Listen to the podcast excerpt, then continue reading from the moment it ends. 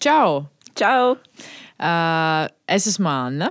Es esmu Monta. Un mēs vēl joprojām studējam Rīgas Sadiņu Universitātē žurnālistiku. Un mēs esam nonākuši uh, pie uh, podkāstu piektās epizodes un šīs sezonas noslēdzošās epizodes.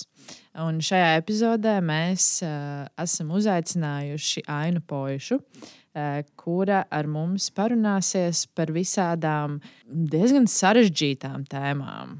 Jā, mēs aptversim diezgan plašu spektru un dažādas tēmas. Un, manuprāt, šī ir tik ļoti vērtīga epizode, tik ļoti vērtīga saruna, ka ieklausies, iedziļinies, un es ticu, ka tu paņemsi kaut ko sev īpašu līdzi. Jā, mēs runājam par, runāsim par, par mentālo veselību, kā, kā sevi sadziedēt pēc kaut kādām traumatiskām pieredzēm. Mēs runājam par veselīgām, par neveselīgām attiecībām. Un, uh, mēs ar šo podkāstu kopumā gribam izkrināt sarkanos un zaļos karogus, noņemt rozā brilles un lauzt stereotipus, lai caur sarunām šķīdinātu priekšstats par attiecībām.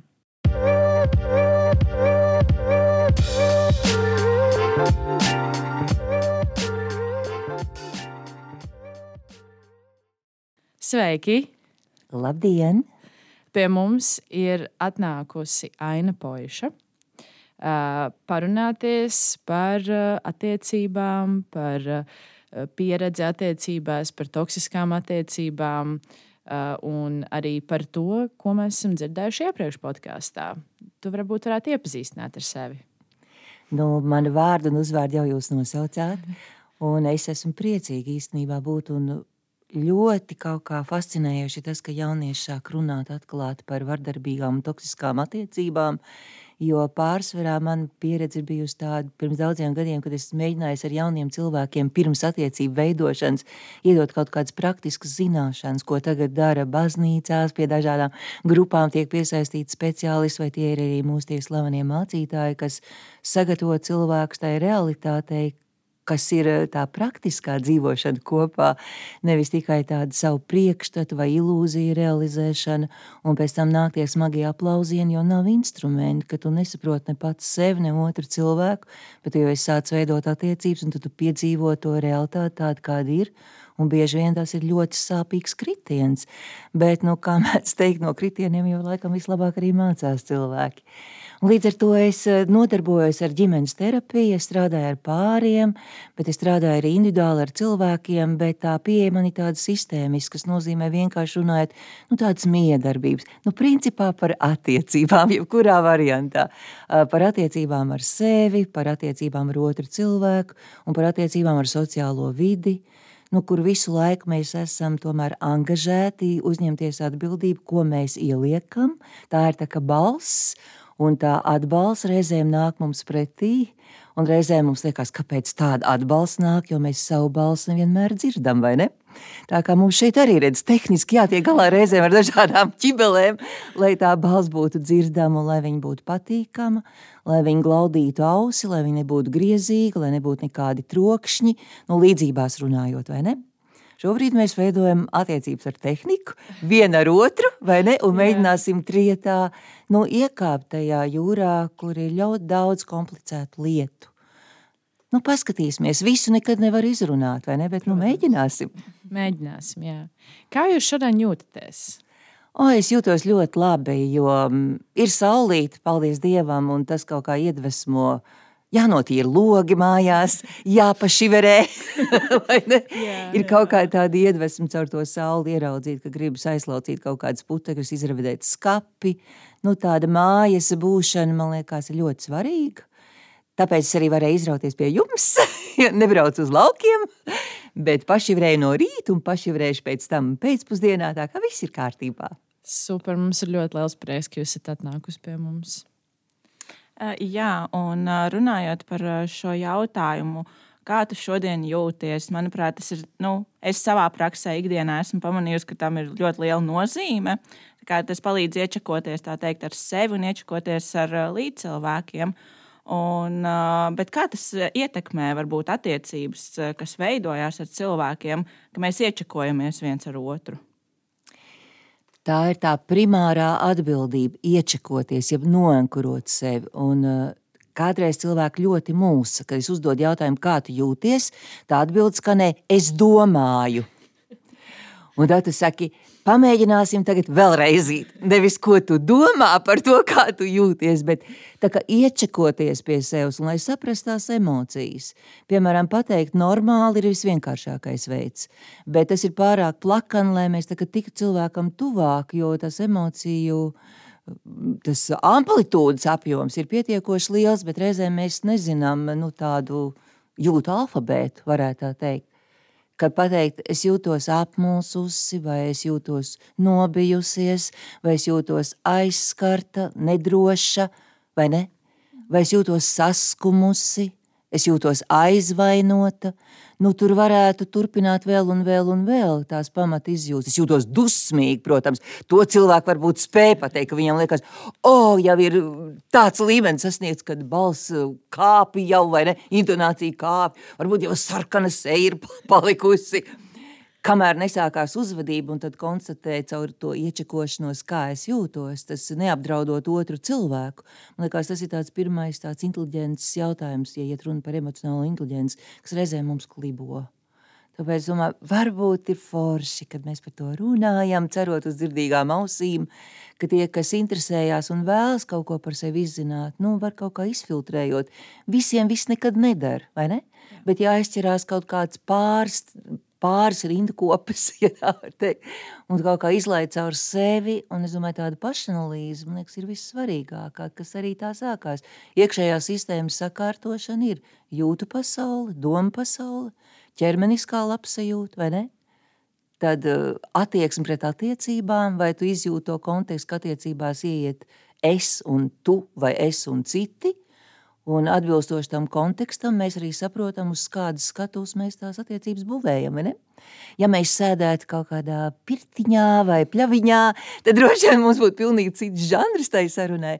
Bet ja mēs sēžam pie mikrofoniem un tā ir tā atbildīga, mēs aizraidīsim kaut kādu vēstījumu cilvēkiem, kas to klausās, nu, tas ir tāds atbilstošs konteksts, ka mēs drusku sakoncentrēsimies, bet saglabāsim brīvību. Uh, nav tādas pretenzijas mums mācīt kādu dzīvot, vai ne? Jā. Jo, ja kādu sāk mācīt dzīvot, tas man liekas, izraisa tikai pretestību. Mēs varam tagad parunāt par dzīvi un ļaut cilvēkiem pašiem izvēlēties, ko viņi paņem priekš sevis un kam viņi pagaidām nav gatavi iespējams.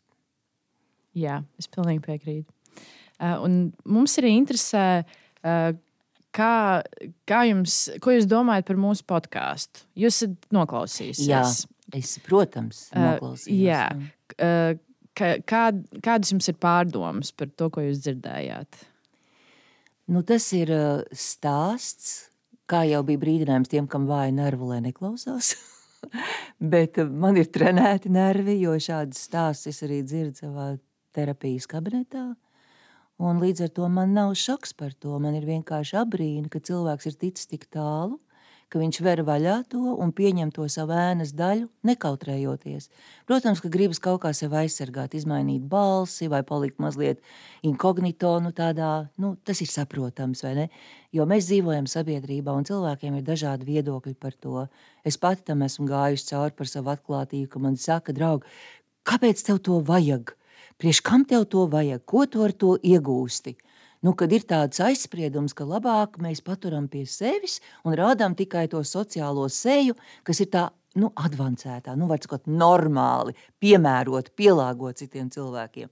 Bet līdz ko tu atveries un, un kļūsti nu, tāds drosmīgs, kas varbūt ir kā lidot putnam pa priekšu kāsī un iedrošināt citus cilvēkus, ka cilvēciskas būtnes ir ar savu labo daļu un ne tik labo daļu, un tā ne, ne labā daļa ir arī mūsu ēna, kur ir mūsu pārdzīvotais, mūsu sāpes un visas tās emocijas, kas šķiet nepieņemamas sabiedrībā. Jo cilvēks, kas ir nīgrs, sagruzījies vai agresīvs, mēs uz viņu paskatāmies, mums uzreiz rodās vērtējums, ne?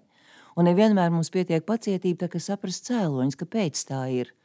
Un tā arī nav mūsu atbildība analizēt otru cilvēku. Nu, tā būtu katram pašam, vai ne tā atbildība. Līdz ar to tāda drosmīga pieeja iet dziļumā, vērt cilvēkus vaļā, jo liecības ar savu pieredzi ir daudz vērtīgākas nekā ekspertu sludināšana. Nu, par to es esmu pārliecinājusies.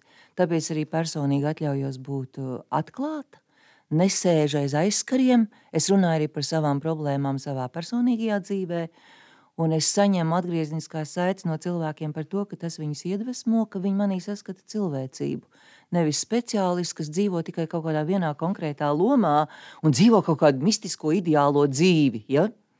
Tāpat kā reizēm arī par slavenībām runā. Nu, viņi jau dzīvo kaut kādā tādā plauktā, vai ne? Mēs uz viņiem skatāmies, vai ar abrīnu, vai piešķiram viņam kaut kādas maģiskās īpašības. Un tad ir tā, ka dzeltenā presē, piemēram, ir pāris, kas sev parāda visspožākajā veidā. un tad ir brīži, kad tu to pāri iepazīsti, ka viņi tās maskas noņem un atklājas, piemēram, ļoti inteliģentā ģimenē, ļoti smaga vardarbība. Jā, uh, arī par to, nu, vispār runājot par uh, klusēšanu, par nerunāšanu, par savas uh, labākās puses iznešanu sabiedrībā. Mēs arī esam runājuši podkāstā un uh, arī savā starpā par to, ka vardarbībai patīk, ka klusē. Viņai patīk klusums, un, un cilvēkiem arī ir bail. Man arī bija bail, kad uh, es, iznā, nu, es iznācu no šādām attiecībām, un tas ir iemesls, kāpēc es veidoju šo podkāstu. Uh, tāpēc, lai cilvēki nejustos vieni. Nu, ja, tu, ja tu ej kaut kam tādam cauri un nejauši uz, uzskrien manam podkāstam, tad uh, man tajā laikā, kad es gāju tam cauri, man būtu gribējies, ka būtu tāds podkāsts, ka tu dzirdi, ka hei, tas tiešām nav pareizi. ka, nu, mm -hmm. jā, ka tu nevis slēpies savā likteņā un kaunies no tā, bet kā, ka tu dzirdi, ka nu, tu neesi viens. Tāpēc arī, jā. Jā, un tāpēc arī saprotu to motivāciju. Ja tā ir tava personīgā motivācija, tad arī visam tam, ko tu dari, ir ticamības moments lielāks. Un tā arī ir tā drosme, ko es saku, nu, ir jāliecina mums nu, ar sevi, iedrošinot citus cilvēkus, ka mēs apdzīvojam kopā un mēs viens otram varam palīdzēt. Jo tā izolētības sajūta, kas rodas dzīvojot vardarbīgās attiecībās, ir briesmīga bet tam varmākam tas ir viens no mērķiem - izolēt. Privatizēt, okupēt to otru cilvēku, ielīst viņa galvā un parādīt tādu realitāti, kas viņa, uh, no viņa pozīcijas skatoties, priekš, tikai priekš viņa ir izdevīga. Vienmēr sakot, skaidrs, kas izdod noteikumus. Tas ir viens cilvēks tādās attiecībās. Pārējiem atnāk vai nu piekrist un klusēt, iekšēji ciest līdz brīdim, kad tā kapacitāte vienkārši vairs nav nu, limits ir izsmelts. Reizēm ir jānokrīt laikam līdz zemākajam punktam. Viena lieta, otra lieta, tev ir jāsaķer kaut kāds impulss, kas iekrīt kā tāda maza sēkliņa. Tu varbūt neko vēl nedari, bet tā sēkliņa tev ir iekritusi, un ik pa brīdim, vai kartupeļus mizojot, vai istabu mazgājot, tev pēkšņi ir kaut kāda sēde, ka tu atgriezies pie tās sēkliņas, un tu neapzināti viņu tā kā aplaisti. Un tā sēkliņa sāk dīgt, un tu sāc pieķerties tai domai un pa maziem solīšiem nonāc līdz tam, ka tu sāc meklēt vai nu palīdzību, vai meklēt informāciju, lai tad sāktu ar savu galvu domāt par savu vienīgo dzīvi. Jop, cik jāsaka. Dzīve nav ģenerāla mēģinājums, vai ne? Jā, jā. Nu jā, un tad varbūt, ja mēs jau sākam pieskarties attiecībām ar līdzcilvēkiem un par to, cik ir patiesībā mainās šīs attiecības pēdējā laikā. Varbūt jūs esat novērojuši, kā romantiskās attiecības ir mainījušās pasaulē notiekošā dēļ, piemēram, šī pandēmija, kas bija, kas izolēja tik daudz cilvēkus, kā arī uh, viss šī kara darbība. Varbūt tas viss kaut kā ietekmē to, kā šobrīd veidojas romantiskās attiecības. It kā pietiktu ar to, ka katrā cilvēkā ir pietiekoši liels baiļu daudzums. Un tad, kad nāk notikumi no ārpasaules, kas saslēdzās ar iekšējām bailēm, nu tad jūs varat iedomāties, kāds kamols tur saveļās, vai ne? Un līdz ko cilvēkam ir bailes dominējošās, tad viņš izvēlās izdzīvošanas programmu, nu kā nu kurš. Vai nu iekrīt tādā bezpalīdzībā, vai iekrīt agresijā. Nu, tās ir tādas divas polaritātes, kas man liekas visuzskatāmāk, kad pāri, kas bija piespiedu kārtā pavadījuši daudz laika kopā pandēmijā laikā piedzīvoja krīzi. Jo viņi saka, mēs tik daudz berzējāmies viens gar otru, mums saka, pietrūka personiskās telpas. Un līdz ar to visi tie dēmoni, ja putni viņi izlidoja, kad no vienas puses ir labi ieraudzīt to, ko nevar ieraudzīt, kad cilvēki izvairās viens no otra, ir aizņemti katrs savā dzīvē un satiekās tikai garām ejot. Ja tu pēkšņi pavadi ļoti daudz laika to cilvēku kopā, nu, cik ilgi tu noslēpsi to, kas tev iekšā sēž. Un nevienmēr tas partneris ir gatavs ar to sadzīvot. Tas nāk kā tāds šoks, pārsteigums, un nevienmēr pietiek iemaņas nu, kaut kā nomierināties un paskatīties, ka tie ir ārēji apstākļi, kas ir kairinātāji, kas vienkārši izvelk to odarīt uz ārpusi, un tur parādās tādas lietas. Un tad ir jāsaprot, vai es varu sadzīvot arī ar tādām negatīvām lietām, pazīmēm otrajā cilvēkā, vai es varu viņam palīdzēt, ja man ir jādod nu, konkrēti norādi, ka viņam pašam jātiek ar kaut ko galā. Ka nevar uzkraut otram cilvēkam atbildību. Es nevaru uzkraut jums atbildību par savām iekšējām izjūtām. Vai ne? Mm -hmm ja es atnāktu baigi saīgus, un jūs man prasītu, nu, kā tu jūties šodien, tad besijārā viss. Tad es domāju, vai tās ir manas tiesības jums uzkraut virsū kaut kādu savu subjektīvo izjūtu? Es varētu jums pateikt, īsti labi nav. Es uh, sabesījos par to, to un to, bet es tikšu ar to galā. Darīsim to, kas jādara. Un tā, man liekas, būtu tāda adekvāta rīcība. Ja arī pārējie cilvēki būtu tik emocionāli inteliģenti, ka viņi varētu paši formulēt, noankuroties pie sevis un pamēģināt neiet to ceļu, kas ved auzās, ka tie konflikti reizēm samilst, samilst, samilst. Nevienmēr viss ir atrisināms, un jo viņu paliek ļoti daudz, tad tas apēd visas tās pozitīvās izjūtas. Tie konflikti ir virspusē, un tās labās lietas, jeb tie resursi, kas to cilvēku satur kopā, viņi nokrīt kā pagrabā. Un tad reizēm, ja viņi nonāk pie terapeita, man ir viens tāds pāris, tad viņi tik gudri bija, ka viņi, viņiem vajag palīdzību no malas. Un tas mans uzdevums ir zemledus makšķerēšana, kad es meklēju to, kas ir nogrimis, kad virspusē tie neatrisinātie konflikti, jeb tās atšķirības, ko pēkšņi viņi pamanīja tādā intensitātē, kad to var tomēr risināt, ja ir motivācija saglabāt tās attiecības, kad pandēmijas vai kara dēļ nav iemesls šķirties. Es domāju, tie ir tieši iemesli, lai mēs vairāk būtu tuvāk viens otram, lai mēs vairot nevis bailes, bet drošību. Kas uh, nenodrošina mums, ka nebūs kara, bet tāda lokālā drošība, ka mēs savā sistēmā ar citiem cilvēkiem varam rūpēties, lai mēs jūtamies šeit un tagad droši ar pateicību, ka tas, kas mums ir, tas ir novērtējams. Un tad man uh, radās jautājums par to, um, kā ir ar konfliktiem attiecībās, cik daudz konfliktu teikt, ir veselīgi kaut kādā mērā. Es tīri no tā aspekta, ka kaut kādas pieredzes dēļ varbūt arī ir izjusts tas, ka nekonfliktē. Un kā jūs teicāt, pēkšņi jā, ir viss paliek zem ledus. Un tad ir jādomā, kas kurā brīdī nogāja greizi. Un tad varbūt kas ir tas veselīgais veids, kā risināt problēmas, kā veidot varbūt šos pēdiņās veselīgos konfliktus. Reizēm tie iemesli ir, es atcerējos vienu konkrētu epizodu no vienas stāsta, ka ir bailes no, bailes no konfliktiem. Un es jautāju tai sievietei, kā viņa domā, no kur viņa iemācījās baidīties no konfliktiem. Jūs jau zinat atbildi bērnībā. Saku, tad, kad vecāki skandalēja, es līdu zem galda, vai Vēl viens piemērs bija, kad viena meitene teica, tad, kad vecāka teica, atnāca piedzēries mājās, tad es zināju apmēram, cik viņš varētu būt. Es aizgāju gulēt stipri ātrāk, uzliku spilvenu uz galvas, lai nedzirdētu to.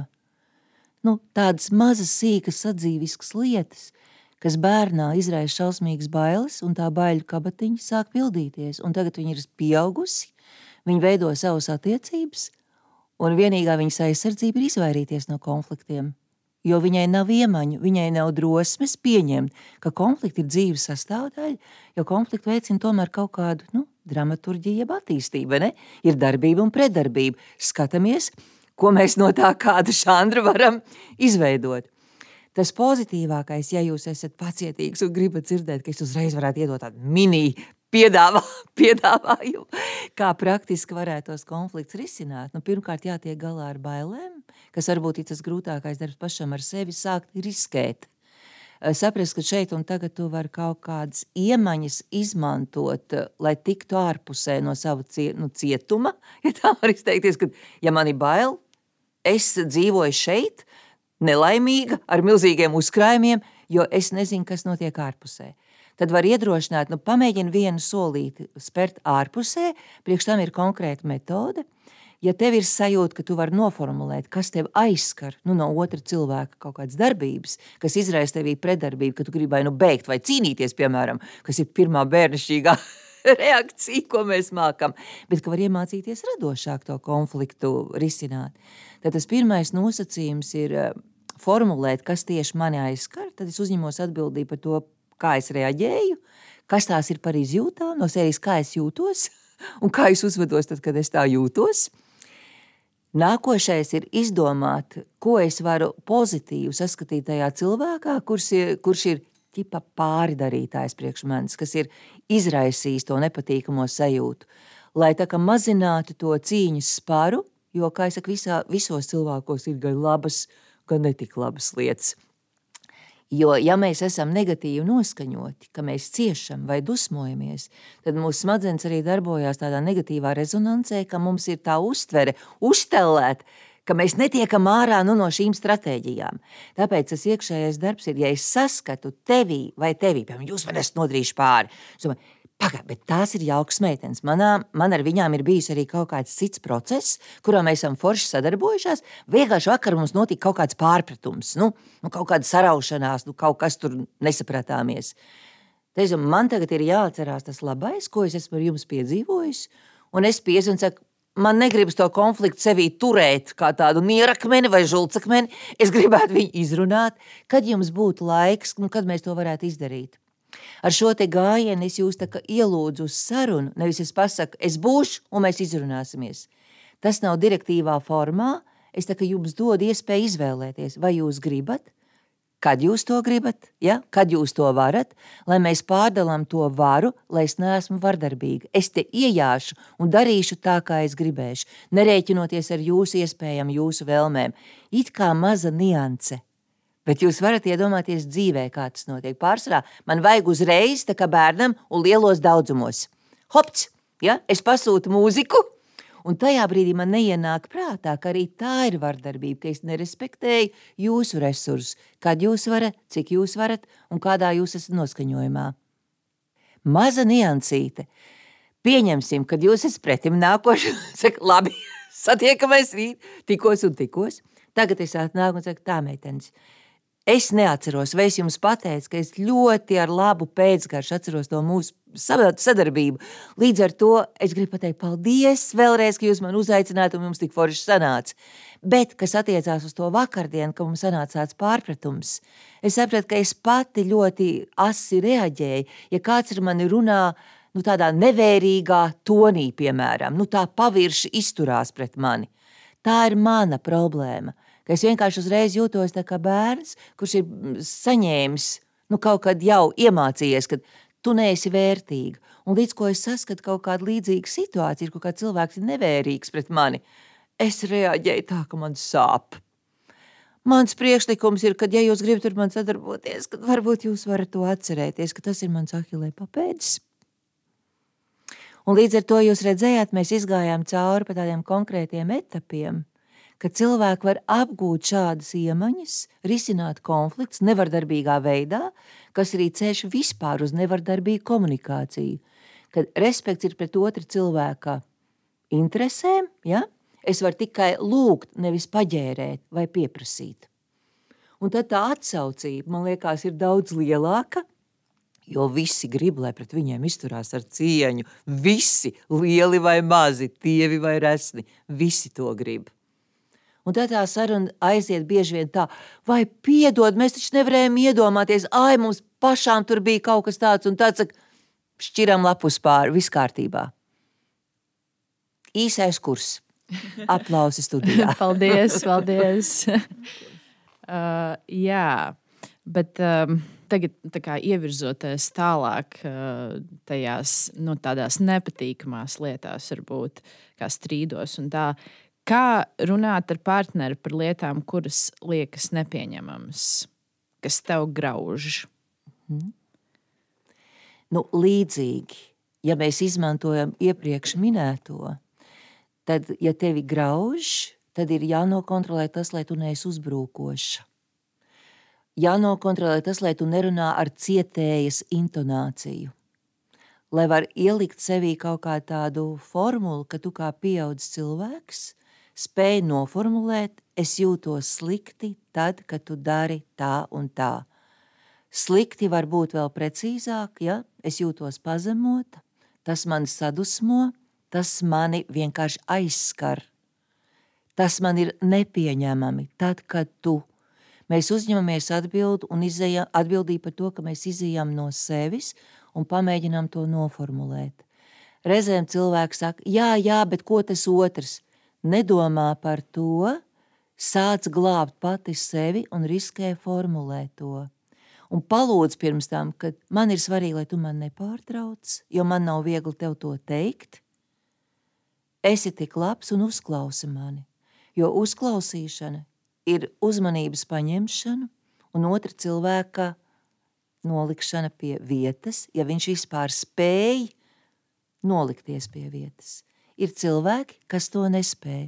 Līdz ar to ar viņiem šāda komunikācija bez trešā klātbūtnes reizēm ir vienkārši neiespējamā misija. Man tikko bija sarunas ar māti un meitu, pieaugušas sievietes, kuras divas stundas kliedza vienu uz otru. Man likās, ka jumts pacelsies, un ir iekšējais tāds jautājums, ko es te varu izdarīt. Man jākļūst par slikto policistu, nu kaut kā jāuzsit pa galdu, bez mazai jāaptur tā kliekšana, un jāsaka, ē, es arī te esmu. Man ir ļoti nepatīkami, ka visu laiku ir tik paaugstināta temperatūra, ko es varu pieņemt, jo tas ir mans darbs, bet visam ir savs robežas. Saka, tagad jūs eh, tvaiku esat eh, nolaiduši, varbūt mēs varam nopauzēt un sākt vienkārši runāt pa vienam un citā tonī. Un tad ir tā, drusku nērti, ka tev kā sliktam policistam, nu, tādā didaktiskā veidā jāaptur ātrvilciens, jo tie divi vilcieni iet viens otram virsū, un nav bremžu sistēmas. Un tas ir ļoti traki. Tad vienīgais rezumē, pie kā mēs nonācām, turieties vienotra pa gabalu. Tas jocīgi izklausās, bet jūs saprotat, ka reizēm distancēšanās ir reāls risinājums. Mēs nevaram sagaidīt, ka mums izdosies komunikācija ar visiem vienmēr, jo tie uzkrājumi ir tik lieli, vai tas temperaments ņem virsroku, ka cilvēkam nav tiešām iestrādāts bremžu sistēmas, tas sen ir sabojāts. Nu, ir tikai ātrvilcieni. Ko darīt? Turēties pa gabalu. Jā, runājot tieši par šo, es, jūs iezīmējāt ģimenes, mātes un meitas attiecības. Un, uh, es mazliet iebraukšu arī tajā tematā, jo man pašai vienkārši tas interesē. Es domāju, ka daudzi varētu ar to uh, relētoties. Mm -hmm. um, Kā to latviešu pateikt? Jā. Identificēties. Identificēties, jā. Um, Ko jūs domājat par to pieņēmumu, ka, uh, ja mēs esam ģimene, mēs turamies kopā? Jo man uh, personīgi arī ir nu, neliels konflikts ģimenē, un es uh, esmu nonākusi pie secinājuma, ka kā, es pieņemu šo cilvēku savā ģimenē, ka viņš ir mans asinsradinieks, bet es ar viņu negribu kā, turpināt kon, nu, kā, kontaktēties vai nu, bieži kontaktēties. Uh, bet kā, vecāki domā, ka jūs taču uh, esat radinieki, kā tad jūs tā kašķējaties, un nu, ko jūs domājat par šo mm, konceptu? Mm. Reāli tas nav iespējams. Tas ir tāds uzspiests modelis, kā jābūtība. Mēs visi ilgotos, lai mums ir piederības sajūta ar cilvēkiem, kas mums ir asins radinieki. Bet ar asins radiniekiem bieži vien ir tas, ko es minēju, tas piemērs ir ļoti daudz dusmu, vilšanās sajūta, ja? un tāda atraidījuma sajūta, kas ir ļoti liels sāpju maiss. Ir pāri darījumi, ko citi ģimenes locekļi nezina, vai negrib zināt, vai neizprot.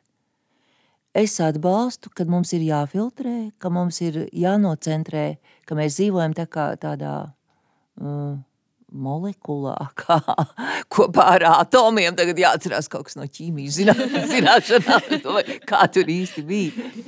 Kad ja katrs cilvēks, piemēram, tu, Anna, esi centrā, Nu, ja es tev iedodu baltu lapu, ja tu iezīmē sev centrā, un tu apzini tos cilvēkus, ar ko tev nākas saskarties, nu, kas ir nu, tomēr izrauti no, no lielās gūzmas, kā cilvēku saujiņa, tur ir vai nu tavi ģimenes locekļi, tavi draugi, tavi paziņas, tavi kolēģi vai tavi kursabiedri, ja? Ir ar dažiem mums tuvākas attiecības, ja mēs vēlamies, lai mums ir tuvākas attiecības. Un šāda revīzija, kad sazīmē tos cilvēkus, cik tuvu tu viņus jūti, tuvāk centram vai tuvāk pie robežas.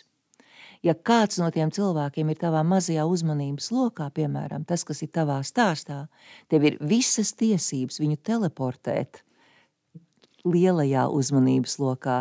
Ja tev ir vieglāk nerisināt ar viņu, un iekšēji distancēties, tā ir tava brīvība. Saglabāt pieklājību un vēsu emocionalitāti, ja vispār nulle emocionalitāti, tikai lietišķais līmenis, kas ir seklas attiecības, bet viņas palīdz izdzīvot. Seklumā ir vieglāk, jo dziļumā mēs ejot atveram savu dvēseli vairāk. Tur parādās mūsu ilgas nepiepildītās, jeb alkas pēc tuvības. Bet, ja kāds mums ir eh, nodarījis pāri, ka mums gribas nospiest pogu off, tad tas ir jādara. Nedrīkst uzspiest ar varu tikai tāpēc, ka tas ir asins radinieks.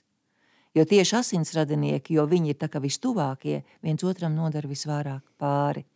Tuvība un pāridarījums reizēm iet roku rokā. Tur mēs esam visievainojamākie fasādi uzkopt.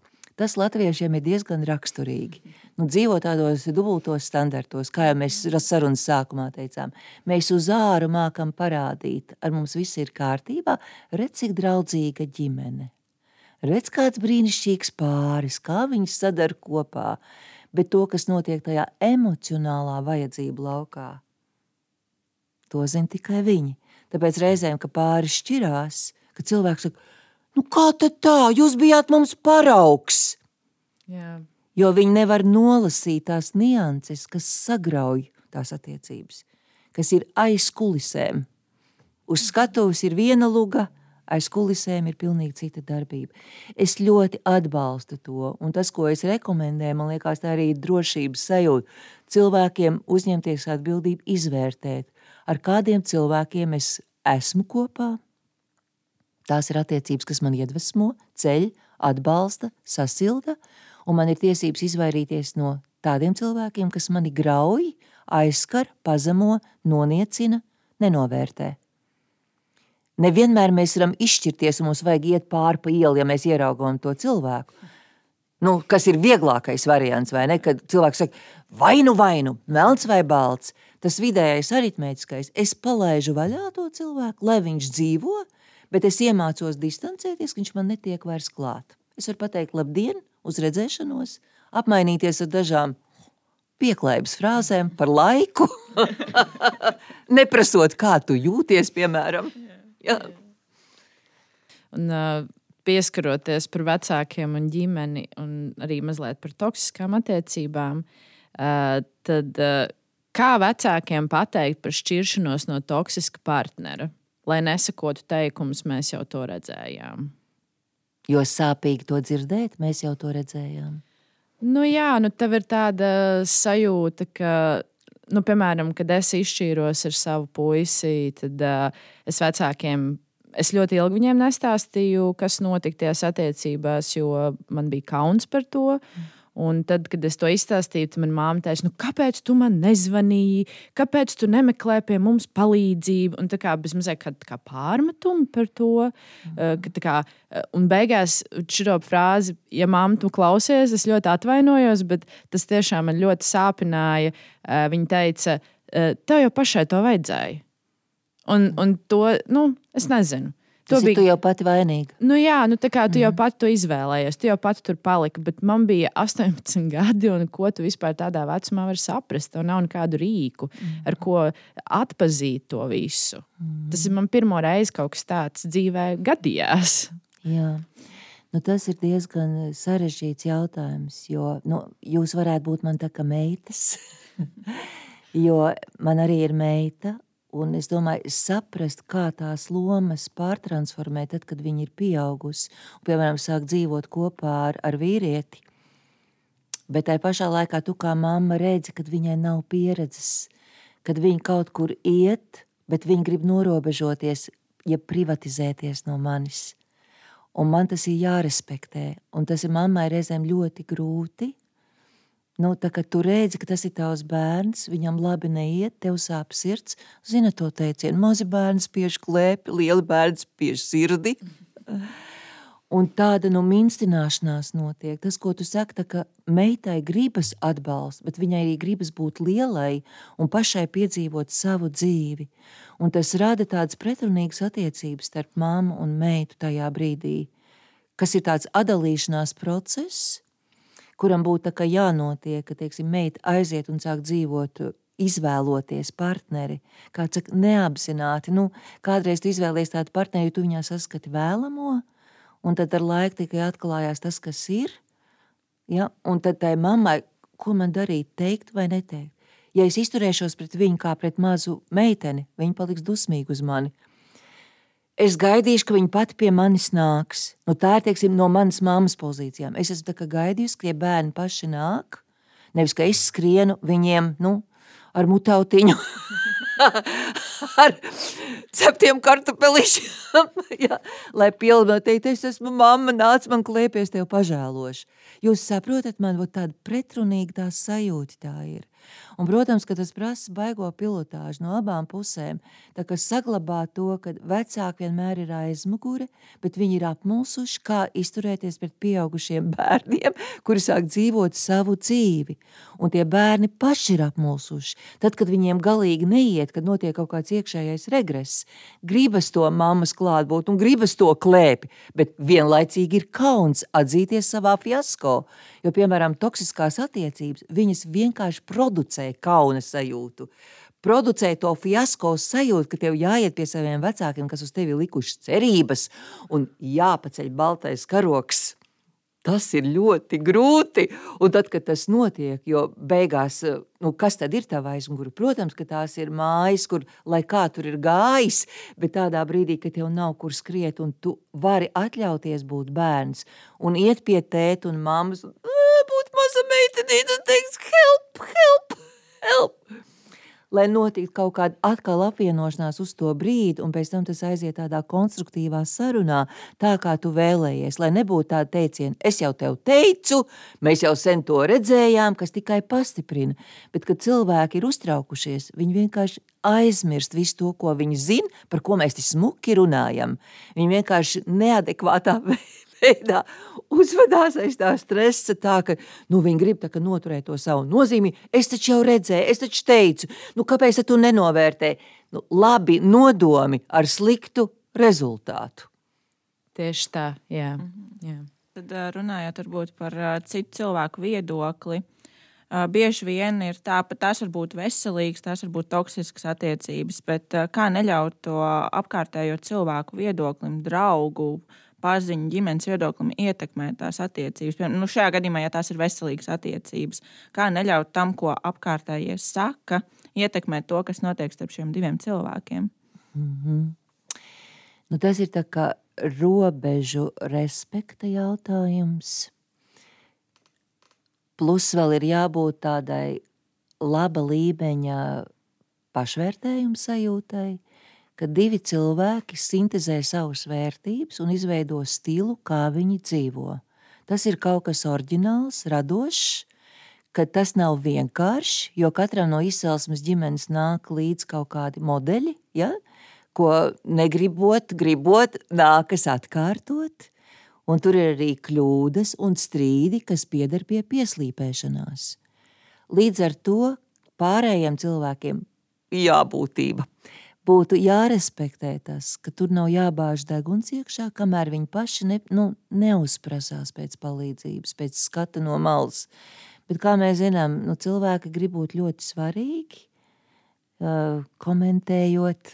Nu, tagad vispār ir jau ļoti zaļā gaisma, liela virtuālajā pasaulē. Visi, kam nav slinkums, ir eksperti vienmēr, visur un par jebko. Un tas iedod, man liekas, vēl tādu visatļautības sajūtu, ka tev nav tā jāievēro tā robeža, kas attiecās uz kaut kādu tuvību un intimitāti, kas skar katru personīgi, vai ne? Un kas skar arī pārā attiecības, kas ir kaut kāds mikrokosms, ka tā ir tiešām viņu lieta, kurā brīdī viņi varētu izaugt līdz tam, ka viņiem vajag skatu no malas, bet tad viņi jautā pēc palīdzības, nevis atrodas vesela glābēju armija, un katrs ar savu viedokli tagad mīcīs to mālu pēc savas sapratnes. Tas vienkārši ir nekorekti, nepieklājīgi, un tas pilnīgi pretēju efektu izraisa, ka gribas noslēgties, izolēties, ja? jo tā ir tāda vilšanās sajūta bieži vien un ka tie cilvēki ierakstās tajā otrajā uzmanības lokā, kas pārkāpj robežu ātrāk nekā vi, viņi domā. Apmēram tā. Jo tāda pamācīšana, tas reizēm arī tāds lamatas īstenībā ir. Es esmu pati iekritusi, kad man bija mazāka pieredze, ka tev draudzene vēršās ar tādu uzrunu Nu, tu kā psihologs, es pirmkārt neesmu psihologs, bet nu, okay, tas nav svarīgi. Pasaki man, ko man to un to un to un to. Es ieslēdzos, jo man tik ļoti patīk, ka viņi saka, nu, ka es esmu gudrāk. Tas zemteksts ir, ka es esmu gudrāk. Tad, kad tu neesi pārliecināta, katra atgriezniskā saite, kas tev liek justies gudrākai nekā tu pati jūties, ir lamatas un tu sāc iesaistīties, un tu sāc domāt, un pateikt visādas rekomendācijas. Vis. Jūs domājat, ka viņi to dara? Protams, ka nē. Un es pat nesaprotu, ka es esmu lamatās. Paiet kāda nedēļa, stāsts turpinās. Viņš iet uz riņķi. Tas bija kāds trīs reizes, līdz man pielec. Laikam tāpēc, ka es paliku dusmīga, kad mans ieguldījums netiek novērtēts, jo nekas taču nemainās. Viņi vienkārši paņem manu laiku, manas emocijas, ja? un viņi kļūst par manu prioritāti. Bet es jau iekrītais lamatās. Man jau bija jāpasaka tas nē, vai vienkārši jāsaprot, ka tā ir robeža, kad es negribu viņu pārkāpt, es negribu tur, es negribu tur būt. Ja nu viņi man jautā konkrēti, tad nu es tavā vietā darītu tā un tā, bet neiesaistīties tik ļoti, ka tu sāc jau koriģēt koriģēt otra cilvēka dzīvi. Un reizēm tas ir jāpiedzīvo. Un tad tu caur um, aknām to izlaidzi, un tu saproti, ka katram mums ir kaut kādi savi resursi, kas ir jāsargā. Tas attiecās gan uz to sociālo atomu, ko mēs Anna ar tevi zīmējām, ja kad jāsaprot revīzija, kāda ir jātaisa attiecībā uz cilvēkiem, ar ko mēs sadarbojamies. Tā arī mums vajag zināt savus resursus, ka mums ir banka, kurā mums ir laiks tāds, kāds mums ir, viņš ir vairāk vai mazāk, viņš pietrūkst, vai viņš kādreiz ir, ja, kad nezinu, ko iesākt. Mums ir telpa, kurā mēs gribam justies komfortabli, un vai mēs gribam būt eh, vieni tavā, savā telpā kādā laikā, vai mēs gribam ar kādu kopā būt, un tieši ar ko tas ir mūsu resurss. Mums ir nauda, mums ir jāuzmanās, ka ir cilvēki, kas nemitīgi aizņemās un nemēdz atdot. Tā arī ir resursu zakšana. Un tas uh, jūtīgākais jau ir tā emociju zakšana. Ja mani pieslēdz kāda cita cilvēka emocionālā pasaule un ievelk savā, un es tur ieeju, nenokontrolējot to, tad nemeklēsim vainīgo. Tā ir divu cilvēku miedarbība. Tāpēc mēs mācāmies uzmanīties, cik mēs ejam līdz tai robežai, pieklāvēji, un tad es tev drīz, kā tu gribi, lai es tev palīdzu, piemēram, kā es varu būt tev noderīga. Ot, iemācīties tādu attieksmi, konkrēti, ko tu gribi, kas tev būtu vajadzīgs. Ja? Nevis, nu es iešu un taisīšu remontu jūsu dzīvoklī. Tāpēc, ka man ir skaidrs, ka šitai sienai ir jābūt dzeltenai un šitai ir jābūt zilai. Es drīkstu tādās līdzībās runāt. Jā. Protams, Tas saprotams protams. ir, vai ne? Jā. Tā kā bērniem pastāstīt. nu, jā, nu, jā. jā. Uh, jā, jo es pat esmu vismaz izjutusi to, ka es dodu kaut kādu savu emocionālo ieguldījumu, ielieku savus emocionālos resursus, un es saprotu, to, ka vienā brīdī man vairs pašai nav no kurienes sev ņemt. Un tad, uh, tad ir grūti nu, sabalansēties tajā visā, kā, kurā brīdī es domāju par sevi un par to, kā, ka es esmu sev prioritāte, un kurā brīdī, tiešām, kā jūs teicāt, mm. es ielieku to otru cilvēku kā prioritāti. Jo bija viens moments, ka es pagrūdu visu savu malā, un es klausos tik daudz visus citus stāstus, tik daudz, kas man nāk vienā brīdī, ir tā, ka man ir vienkārši pēkšņi tik daudz informācijas par tik dažādām tēmām, un es pat nesaprotu vairs neko. Mm -hmm. Un es nezinu, tas bija tāds diezgan traks vakars toreiz, bet uh, man bija prieks, ka man bija kam pazvanīt, un vismaz tad man palīdzēja sakārtot pa plauktiņiem. Es vēl atceros, spilgt, kā es sēdēju uz balkona mājās. Vienkārši tā kā e, es, es pat nesaprotu, kas notiek. Es nespēju ar to cilvēku runāt. Tā kā man paprasa, vai mēs saliekam visu pa plauktiņiem. Un, manuprāt, uh, kā jūs domājat, kā, vai cik labi ir meklēt uh, to palīdzību pie cita cilvēka, ja tas, ja es esmu uh, overwhelmed, es nezinu, kā latviešu. Pār, nu, da, man ir par daudz emocijas ar, no citiem, bet man vajag kādu citu, lai sakārtotu tās mm. citu emocijas. Un pat ja es nepasaku tos cilvēkus ne vārdā, ne pasaku mm -hmm. visu situāciju, vai tas ir pareizi, ka es meklēju palīdzību pie kāda cita? tā ir normāla psihohigiēna. Es domāju, ja jums arī profesija ir saistīta strādāt ar cilvēkiem, vai ne? Mm -hmm. Kur... Mēs esam žurnālisti. Jā, jā. jā, tas nozīmē, ka jūs arī domājat perspektīvā par sevi, lai kontaktā ar citiem cilvēkiem jūs neiekrist lamatās. Bet, ja redz, vienreiz man to piedzīvo, tas, ko es arī stāstu, tas paliek atmiņā daudz ilgāk ka tad, kad tev sakrājās par daudz, tev vajag kaut kādu alternatīvu, kur tu izventilē, ja reflektē par to, kas tev ir. Nu, kādas uzticamas ausis, kuram nav jādara nekas, kuram ir vienkārši jāuzdāvina tev savas ausis. Tu, piemēram, man piezvan un saki, Aina, iedod man savas ausis. uz vienu stundu. Es saku, ok, man normāls kontrakts. Vienu stundu es esmu iejūtīga klausītāja, un tu runā brīvi ārā visu, kas tev ir sakrājies. Tas tā kā iznest miskasti. Un tā ir pilnīgi nepieciešama psihohigiēna, ja cilvēks strādā ar cilvēkiem. Un ja vēl ir tāds talants, ko ātri citi nolasa, kad māca klausīties, uu, Cik tas ir labs aicinājums, vai ne? Jo pārsvarā visi grib runāt. Tie cilvēki, kas māca klausīties, ir mazākumā. Tāpēc tiem, kas māca klausīties, ir baigi jālolo savus talants, bet sevi jāsargā. Jāsargā. Vai tā empātijas man ļoti patīk? Man liekas, ka es pati to izgudroju. Varētu prēmiju kāds iedot, ka empātijai ir divvirziena ceļš. Bet reizēm cilvēkiem ir priekšstats, ka empātija ir vienvirziena ceļš kad es aizēju jūsu interesēs, vai tas, ko tu teici, citu cilvēku interesēs, es aizēju. Ja? Jo es esmu empātiska, jo tā ir tik laba kvalitāte būt empātiskam cilvēkam. Saku, nekā nebija. Empātijai ir divvirziena ceļš. Tu esi primāri empātiski pret sevi un ieklausies tajos radaros, nu, kas signalizē, ja? kas notiek ar tavu emocionālo pasauli. Kurā brīdī tev jau sāk vai garlaikot, vai tev sāk tracināt, ka tu ne, neredzi savu vietu, jo nav skaidrs kontrakts. Ja? Jo mēs pirm, pirmīt izspēlējām mazai tīdīt, ka tas ir skaidrs konteksts. Dod man uz vienu stundu savu sausu. Ja mans resurs ļauj, saka, nav problēma. Vai saka, šodien nē, bet vai tu vari paciesties līdz rītdienai? Es esmu godīga un atklāta, empātiska pret sevi. Es neaizmirstu savas iespējas, vai ne? Un es tevi neatraidu. Un tad tu zini, mums ir kontrakts, mēs saslēgsimies, ja? un tev nav jābūt ne, ne atraidītai tajā situācijā, nenokaunējušai, ka tu vispār kaut ko tādu vēlies. Mm -hmm. Mazliet man vienkārši iešāvās prātā.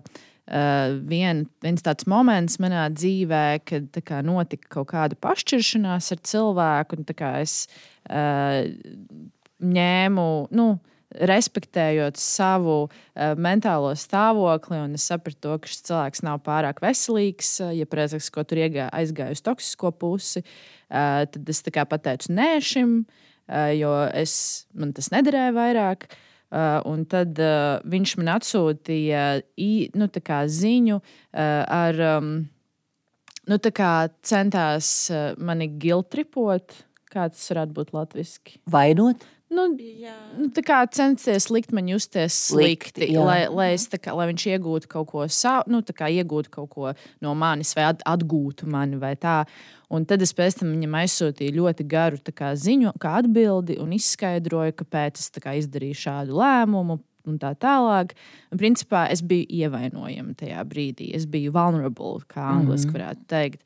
Uh, un viņš uz šo ziņu atzi, atbildēja, nu jā, uh, izklausās pareizi. Uh, Un tajā brīdī es sajūtos, um, es nezinu, kā ne, nedzirdēta, nesaprasta, kā, ka tu, es, tu tik ļoti centies parādīt, ka tu esi empātiska pret to cilvēku. Ka tev nav viena alga, ka tu nenospokojies projām, ka tu nepazūdi, bet tu tā kā, es nezinu, nu jā. Un kā, kā varbūt menedžēt savas emocijas, vai kā rīkoties šajā situācijā, kā, kā ar šo situāciju tikt galā, ka tu esi ievainojams, bet tas otrs cilvēks vienkārši tevi, nu, viņam ir viena alga tajā mhm. brīdī. Pirms uh, dažām minūtēm mēs runājam par to, novērtēt otru cilvēku, cik patiesības viņam ir vērts uzticēt. Kādreiz mēs pārvērtējam, tāpēc ka mēs caur savu prizmu to vērtējam. Ja? ja mums ir tendence izrunāt vai pabeigt lietas zolīdā veidā ar cieņu, ja? Mēs nezinām, kāpēc iedomājas, ka otram cilvēkam ir tieši tāda pati attieksme pret to. Un ieguldām milzīgas pūles, tas ieguldījums ir lielāks, bet ja tā ir tik strupa atreaģēšana, ja, tu nedabū gandarījumu. Un tad es neteikšu pati vainīga, lūdzu, jo mēs mācāmies kopā, vai ne? Un, ja tu man uzdod jautājumu, tad es vienkārši mēģinu arī saprast un tev diezgan skarbā veidā pateikt, nepārvērtējam cilvēkus caur savu prizmu. Tās arī ir lamatas, kurās mēs iekrītam. Ja? Kādreiz draudzenes savā starpā vienojas, vienalga kāda patiesība, bet saki man, Un tad tā viena pasaka tai otrai to patiesību. Un tad tā otra paliek drausmīgi dusmīga, jo tā draudzene izvēršas par slikto ziņnesu, un sliktos ziņnešus mēs nošaujam. Un izrādās, ka tas koferis patiesības ir pārāk smags bijis priekš viņas un baigā atklāsme, vai ne? Nedod vairāk, lūdzu, Anna, turpmāk, nekā kāds ir pelnījis. Nu jā, bet uh, kā, kā var zināt, cik viņš ir pelnījis? Kā, kā nenorobežoties tajā, nu, tā kā, kā tās sienas neuzbūvēt. Jo, jo pēc katras šādas pieredzes, tad tā siena nāk vēl pa vienu ķieģelīti, tālāk, tālāk un tālāk. Un, mm -hmm. un, nu, tā kā, tad vienā brīdī tu paliec kā, norobežojies no visa. Mm -hmm. nu, kā, es nezinu, man vienkārši bail ir. Jo vilšanās sajūta parādās, jā, vai ne? Un tas jā, uzsver sienu. Jā, jā. jā. Un kā, un kā, jā. kā saglabāt to cilvēcīgumu un ne, nu, neaizbūvēties no visiem jā. pavisam prom. Un arī uh, cienīt sevi. Jā, bet vai var iedomāties, ka nu, ir tāds vārds tolerance, ka mums ir jāpieņem atšķirīgais. Viegli pateikt, grūti izdarīt. Un tādā brīdī, kad ir vilšanās sajūta, tas ir tavs lēmums, vai tu uztaisīji sienu, ja? Vai tu saproti, viņš tāds ir. Nu, tā gadās. Nākošais es nepielikšu tik liels pūles, neieguldīšos tik daudz, jo arī tāda pabeigtība, ja tā ir tava vajadzība, viņu var uztaisīt kompaktāku, lai nav tev tā sajūta, ka tu visu tur esi ielikusi. Tu esi atvērusi visus savus atvilknīcus un palikusi tik ievainojama, nu kā kaila. Ja? Un tu esi gaidījusi neapzināti, tas cilvēks tev iedos mētelīt, pasakot paldies, ka tu man to uzticēji, kaut ko siltu, ka viņš iedos. Jo nekad nevar tā vienoties, ka tu iedod, piemēram, 80% atverot savu dvēseli, nu, ka viņam arī tad vajadzētu 80. Okay. Ja viņš kaut 20 iedod atbilstoši tam kontekstam, ka viņš jūt, ka tu atveries, bet ja viņš nav spējīgs, viņš ir ciet, tad tu lauzies aizslēgtās durvīs. Vai no tā ir jāizdara secinājums vispār pret to cilvēku, viņš tāds ir, tad man ar to ir jārēķinās, ka es ar viņu vairāk nebūšu tik atvērta. Jo mums ir žests, ka mēs atveramies, nu, ja es ar rokām rādu, un mums ir žests, ka mēs piesadzamies, vai ne? Un līdz ar to mēs arī to distanci regulējam tādā. Tava vajadzība bija to piedzīvot, jo tu cerēji, ka būs katarse, ja, ka jūs sapratīsieties. No sērijas ir pateicība sirdī, mēs mēģinājām, mums nesanāca, tāpēc, ka tāpēc, ka tāpēc, nu, izklāstot savu attieksmi par to lietu, jeb savu vērtējumu. Otrs saka, nu, ha, nu labi, viss, yeah. čau! Un tas rada to vilšanās sajūtu. Jo jūs jau saprotat, nu, vilšanās viņam mums uzbrūk. Tikai tas ir atkal tas jautājums, ko es pirmie teicu. Ir drusku jāpazīsties savi, nu, traumatiskie ievainojumi, kur mēs reaģējam jūtīgāk, jo ja jau bērnībā bērns ir saņēmis kaut kādu atraidījumu, nu tādu attieksmi tādu, ja? tad šīs situācijas, piemēram, ko ja tavējo es pielīmēju, es neko nezinu par tevi bērnībā, nu tā kā vispārinot to, pielīmējam klāt, tad tas priekš tevis ir atraidījums. Tas ir kā bērns iet pie mammas ar savu zīmējumu, un mamma saka, pagaidi, nav laika. Kas tas tur ir pa ķēpājumu, piemēram? Nu, tādas ļoti sadzīviskas, izplatītas situācijas. Māma ir aizņemta, viņa tajā brīdī bija cits, nu, ja mēs no citas puses paskatāmies, viņa neiedomājās, ko viņas darītājs var izdarīt ar bērnu, kas iemācās vilšanās sajūtu un atraidījumu, un viņš iemācās aizsargāties, dzīvojot aiz sienas. Tas ir tā kā sačakarēta uzticēšanās. Jo mēs atveramies, tad mēs uzticamies, vai ne? Mēs pirti ejam pa pliko ar cilvēkiem kopā, kam mēs uzticamies. Ar svešiniekiem mēs to nedaram. Nu, tāds jocīgs piemērs, bet tā ir. Saprotams. Jā. Es jūtos tā kā terapeita kabinetā. Man... Piedod, tas nav pat nē, raku. nē, nē, viss kārtībā. Man ļoti patīk. Man smadzenes uz 120% strādā. man ļoti patīk. Jā. Nu, ja jūs ļaujaties, tad jā, es neesmu. Mēs ļaujamies. Uh, jā, manuprāt, tas Sāns minētais piemērs arī kaut kādā mērā, varbūt, es nezinu, vai tā var teikt, iezīmē kaut ko nedaudz arī toksisku par to, ka tas otrs cilvēks tomēr izmanto to un ka zina, kā, uz kurām pogām uzspiest, un ka tu varbūt gaidi un liec tās cerības milzīgās, ka jā, būs, būs, būs, un ka patiesībā tā kā tu nesaņem to, ko tu vēlies. Un, uh, Varbūt uh, jūs varat pastāstīt kaut kā nedaudz, uh, kā ne tikai uh, toksiskās attiecībās, bet arī toksiskās draudzībās risināt šīs situācijas, kurās tu dod visus savus simtus, pretī nesaņemot neko. Mm -hmm. Nu, attiecības, kas sākās, tur jau ir iekšā kods, ka viņas var arī beigties, diemžēl. Bet tad, kad pienāk tās beigas, Tas varbūt ir kaut kāds pēdējais piliens parasti, vai ne? Toksiskās attiecībās tev krājās, krājās, jo tā sieviešu izturība un pacietība, nu, ir neizmērojama. Jo pārsvarā tas, kas jums ir arī zināms labāk kā man, kad ir tā statistika, ka katra Latvijas trešā sieviete ir cietusi no, no vardarbības. Un tagad tas pēdējais vēl skandāls, kas notika, vai ne? Tad varbūt beidzot, un tie protesti, un nu, ka beidzot varbūt tiks ņemts vērā kaut kas, jo parastā ir, kamēr nav līķu, ja viss ir normāli. Tad, kad ir līķi, tad mēs domājam. Nu, tas ir stulbs eh, salīdzinājums par, par attiecību līķi šausmību. Sapalaižam melno humoru. Angļu seriāls rulē. Bet kādreiz ir tāds termins, ka attiecības mirst. Un ja viens pieņem lēmumu šķirties, piemēram, nu, tad viņš ir kā, nu, tas iniciators, kas vienkārši pieliek punktu tam. Ja viņas mokās, mokās, ja?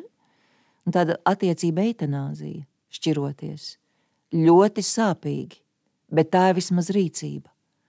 Jo saglabāties attiecībās, kas uz drupām ir, nu, viņas principā ir mirušas, bet nav apbērētas. Nav, vat, nu, tas akts nav noticis, piemēram, izlīdzinošs akts. Paldies, ka mēs bijām. Šis posms bija foršs. Nu, ja vēl var tādā pozitīvā veidā, bet es no, iegūstu no tā to un to un to, un dzīvojam kā draugi turpmāk. Uh, tas ir tikai romantiskais kino. Realtātē reizēm ir milzīgas sāpes par to, ko tu uzrunā. Ja var ieraudzīt to, ka tas iet ne tur, un vienam ir jābūt iniciatoram kas ir drosmīgs, kas pasaka, attiecībām ir arī beigas, un viņas ir jāpasludina. Tā kā katrai lugai priekškars atverās, un priekškars atverās, ir jāsajūt jēga tam. Jo reizēm, kad pāri atnāk uz terapiju, kad viņi ir apjukuši, ka viņi nezina, vai tās ir viņu grūtības, ja viņiem ir tā kā ielaiduši savā uh, komunikācijā vārdu šķiršanās. Un tad man arī kā trešajam jāsaprot, uz ko mēs strādājam. Vai mums vajag smuki izšķirties, nu, iemācīties smuki izšķirties un atrast veidu, kā mēs viens pret otru izturēsimies pēc tam? Ja mums ir jānovērtē, vai tas ir tik tālu aizgājis, ka tur neko vairs nevar gaisu iepūst, nu, kad ir nāve attiecībām, tad tas ir šķiršanās. Bet, ja tur ir kaut kādas komunikatīvas grūtības, vai neatrisināti konflikti, vai nevar saskaņot tās kopējās vērtības, nu, tādas formulējamas problēmas, kas attiecās uz darba fāzi attiecībās, ja nekas tāpat vien nenotiek. Tas ir tikai iemīlēšanās fāzē, ka viss notiek vienkārši tāpat, tāpēc ka hormoni strādā tādā režīmā. Bet tad, kad viņi norims, tad mums parādās tā atbildība, nu, ko es iegūtu, ko to iegūtu, vai tas mums abiem der vai neder. Ja vienam neder, tad viņam ir tiesības teikt stop, vai nu mēs kaut ko darām ar to, ja? vai nu es noriju un izliekos, ka viss ir kārtībā. Mēs nevaram dzīvot mūžīgi. Es domāju, nu tāda eksistenciāla jautājuma uzdošana sev arī jaunībā nekad nenāk par skādi, jo tad es domāju, mēs nobriestam ātrāk, un tas ir labi, ka mēs nobriestam ātrāk. Jo, ja mēs varam savus jūtas ielikt veselā saprāta ietvarā, ietvarā kad nu, saglabājas, lai cik tev ir spēcīgas emocijas, tev sāp šausmīgi, tev dzīve apstājas, tu varbūt iekrīt depresijā, tev ir jālieto antidepresāti, vienalga kas, bet tā ir kaut kāda reakcija, kur var atrast risinājumu tieši ko ar to darīt, vai ne? Bet ja ir tikai samierināšanās, samierināšana, un cilvēki dzīvo kā komas stāvoklī, fiziski funkcionējot no punkta A uz punkta B, un viņi nevar atzīt to nāvi ne tikai fiziskā nozīmē, bet arī emocionālā nozīmē, tad gribas pieiet klāt un sakratīt kādreiz fiziski to cilvēku pamosties. Nu, vajag kaut kādu reanimāciju, nu, kaut ko, kaut kādu iedarbību, kaut kādu spēcīgāku kairinājumu vajag, ja? Un tā kā ir, kad cilvēkam ir kaut kāda sirdslēkme, nu, ko dara neatliekamā palīdzība? Mākslīgā elpināšana, vai kaut kāds tur šoks, elektrošoks vai kaut kas. Un, zin, arī tām emocijām reizēm vajag pamodināt to cilvēku. Ka viņš vienkārši iegūst telpu un paskatās uz to dzīvi ar citām acīm. Vienkārši reizēm žēl, ka tam tiek tērēts pārāk daudz laika. Tas tiek vilkts, vilkts, vilkts gadiem. Un, piemēram, tagad ir viena aktuāla klienta, kas 12 gadus dzīvo vardarbīgās attiecībās 12 gadus, un pēdējais incidents bijis augustā, kad viņai ir sasista galva tā, ka viņai bija pilnīga amnēzija. Un viņa man to stāsta, jūs varat iedomāties, pilnīgi zosādi metās, ja? Un es saku, es laikam pat neprasīšu, ko tu darīji pēc tam. Viņa saka, jā, nu pēc nedēļas es aizgāju atpakaļ. Tas ir tas stāsts, ko jūs arī atskaņojāt. Kad, un tad es prasu, vai tev vajag vēl izprovocēt vēl vienu pilienu, cik tavā traukā vēl ir vieta palikusi pāri. Tu gribi dzīvot vai tu gribi mirt? Jo, ja tu ej uz risku, ka tas pēdējais jau ir pietiekoši spēcīgs precedents, vai ne? Tad tu apzinājies, ka tu vari arī fiziski nomirt. Jo emocionāli, ka tev ir pazudusi griba reaģēt savādāk, es to nenosodu, jo tiek deformēta uztvere. Ja tu 12 gadus dzīvo atspārdītā veidā. Oh, my God! Vai ne? Mm -hmm. Tāpēc ir grūti varbūt to stāstus noturēt, bet no otras puses mēs varam sevi stabilizēt, ja tas ir mērķis palīdzēt tam cilvēkam reflektēt ārā un dot viņam drošības, ka viņš nav viens, ka viņš nav viens, lai viņš lēnā garā, un tagad mēs ar viņu veidojam kaut kādas mierīgas stratēģijas, ņemot vērā viņas apstākļus, nevis vispārīgos apstākļus. Ja? Lai viņa pati nobriest līdz tam lēmumam, kad viņa var sakārtot to un to, un kad notiek nu, tā plānošana. Nu, tas, ko jūs arī jau esat izkoduši, ko piedāvā arī resursu centrs Marta vai, vai Skalbs, vai nekad. Sievietēm vajag iemācīties struktūrēt pa maziem solīšiem, akceptējot viņu konkrētos apstākļus. Jo pateikt, ej prom, nu, tas ir pārāk maz jo viņai nav spēka aiziet prom. Viņai tā kā jāpieradina sev lēnā garā, tā kā jāsāk staigāt. Tā kā dzērājs, ja viņš ir alkoholiķis, ja viņš atmet alkoholu, viņam neiedod kaut kādu alternatīvu, viņš nemāks staigāt. Nu, nu, līdzība, bet, nu, tā ir atkarība. Mēs jau runājam par atkarību. Toksiskās attiecībās ir atkarība. Viens ir upurs, un otrs ir varmāk. Un runājot par to, par to periodu, kad tu esi saņēmis drosmi un izgājis no tām attiecībām, un tev, kā arī otrās epizodes stāsta uh, mūsu viesņa uh, minēja, ka tev tik daudz tās traumas ir sadāvināts, ka pietiek puspasaulē. Uh, tad kā sadziedēt sevi pēc šīm traumām? Kādi ir tie soļi, vismaz pirmie soļi? Mm -hmm. no pirmais solis ir vispār atzīt, tad uh, sajust kādu sev piemērot informāciju, kur tev vajag vienu neitrālu cilvēku, kas nav tavs radinieks, kas nav tava draudzene, kas vienkārši var noturēt tevi. Un tad lēnā garā, līdzīgi tā kā es stāstu, sākt atvesaļošanu. Nu, principā es negribu reklamēt, bet tā ir psihoterapija, un reizēm tā ir medikamentozā palīdzība. Jo bieži vien tur fonā jau ir depresija, nu, tāda smadzeņu darbības izmaiņa. Ja, kā jau minēju, tā smadzenes darbojas tādā režīmā, kas ir kroniskais stress, tur ir izdegšana, kas ir pārgājusi depresijā. Un, ja ir jau tāda apziņa, ka es esmu gatavs, es, piemēram, esmu gatavs pieņemt palīdzību, ja, tad es aizēju pie psihiatra, noskaidroju to medicīnisko viedokli, ja, lai kāds novērtē no malas, kādā līmenī man ir tā depresija vai trauksme vai kas kad es palīdzu savām smadzenēm tieši tajā neirobioloģiskajā plānā, un tad es eju pie kāda psihoterapeita, kuram es varu uzticēt savu stāstu, atskatoties retrospektīvi atpakaļ bērnībā, Un tad es ātri redzu, man ir spikerīts, es baigi uztraucos nākotnē. Es domāju, nu, varbūt man kaut kas gudrs ir jāpasaka, varbūt šis ir īstais brīdis, ko droši. Droši, droši, droši. droši. Jo atce, jūs droši vien arī zinat Eriksona nu, tās attīstības fāzes. Mm. Yeah. Nu, tas, man liekas, ir tāds saprotams, teorētiskais, basic pamats, lai mēs saprastu nu, sevi, no kurienes mēs nākam un kur mums aiziet tas scenārijs vai uz traumatisko pusi vai uz veselīgo pusi.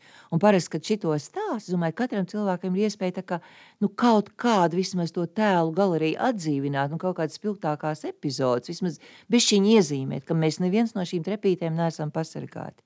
Nu, piemēram, redz bērniņš, ka piedzimst, tas ir pirmais tas pakāpiens, kas saistās, kad eh, zīdaiņš un mamma vai nu veidojas pamat uzticēšanās, ja bērns saņem visu to, ko viņam vajag, tuvību, drošību, klātbūtni. Ja bērns to nesaņem, piemēram, manā laikā, kad es dzimu, un jā, kad man pirmais bērns dzima, tad arī vēl nebija tāda attieksme, kad bērnu uzliek mammai uz krūtīm. Kad vienkārši barbariski pārauj to emocionālo saiti, kad divas personas, kas ir simbiozē, vienkārši tiek vardarbīgā veidā atdalītas. Un tad mēs brīnamies, ka mūsu sabiedrībā ir cilvēki, kuriem ir ļoti grūti uzticēties un atvērties. Un it kā tās redz ir tik vienkāršas lietas, kad es varu teikt, atveries, bet cik grūti reizēm to ir izdarīt. Jo tā neusticēšanās ir tas pamats, no kā izriet vajadzība meklēt stratēģijas, kā izdzīvot. Un, ja tu man jautā par tiem soļiem, tad es, piemēram, domāju, ja es ar to sievieti runātu, tad, kad mums jau būs kaut kāds plāns, ka viņa būs jau no drusciņa stabilākā stāvoklī, tad es runātu par to, ko viņa zina par savas dzīves sākumu. Kāda ir viņas piesaiste? Vai viņai ir ielikta iekšā nu, tā iekšējā drošība kā bērnam, ja viņa ir traumēta vissenākajā, visdziļākajā līmenī. Tas ir ļoti smags jautājums, tāpēc es domāju, tās attiecības ar terapeitu ir dziedinošas, jo tās ir attiecības, ne tikai metode. Tās ir attiecības drošā vidē, kur kādreiz man Nav svarīgi pat uzdot jautājumu, kādu lomu es kurā brīdī pildu. Kam es esmu mamma, kam es esmu tēvs, kam es esmu advokāts, kam es esmu mācītājs. Vienalga, tam nav nozīmes. Es vienkārši esmu tajās attiecībās kopā ar to cilvēku, lai sekot viņam un saprast, kur ir sastrēgums vai tajā pirmajā līmenī, Jo kā zīdaiņš ir tikai cerība, ka pasaule ir laba, un mamma jau ir visa pasaule. Tēvs pienāk pēc tam klāt, vai tas iemāca bērnam uzticēties un veidot tādus spoguļu neironus smadzenēs, kas atspoguļojas un drošāk sameklē sev atbilstošus cilvēkus, jo viņam drošāk veidojās kritēriji, lai viņš nedarītu sev pāri. Oh, traki! Vai ne?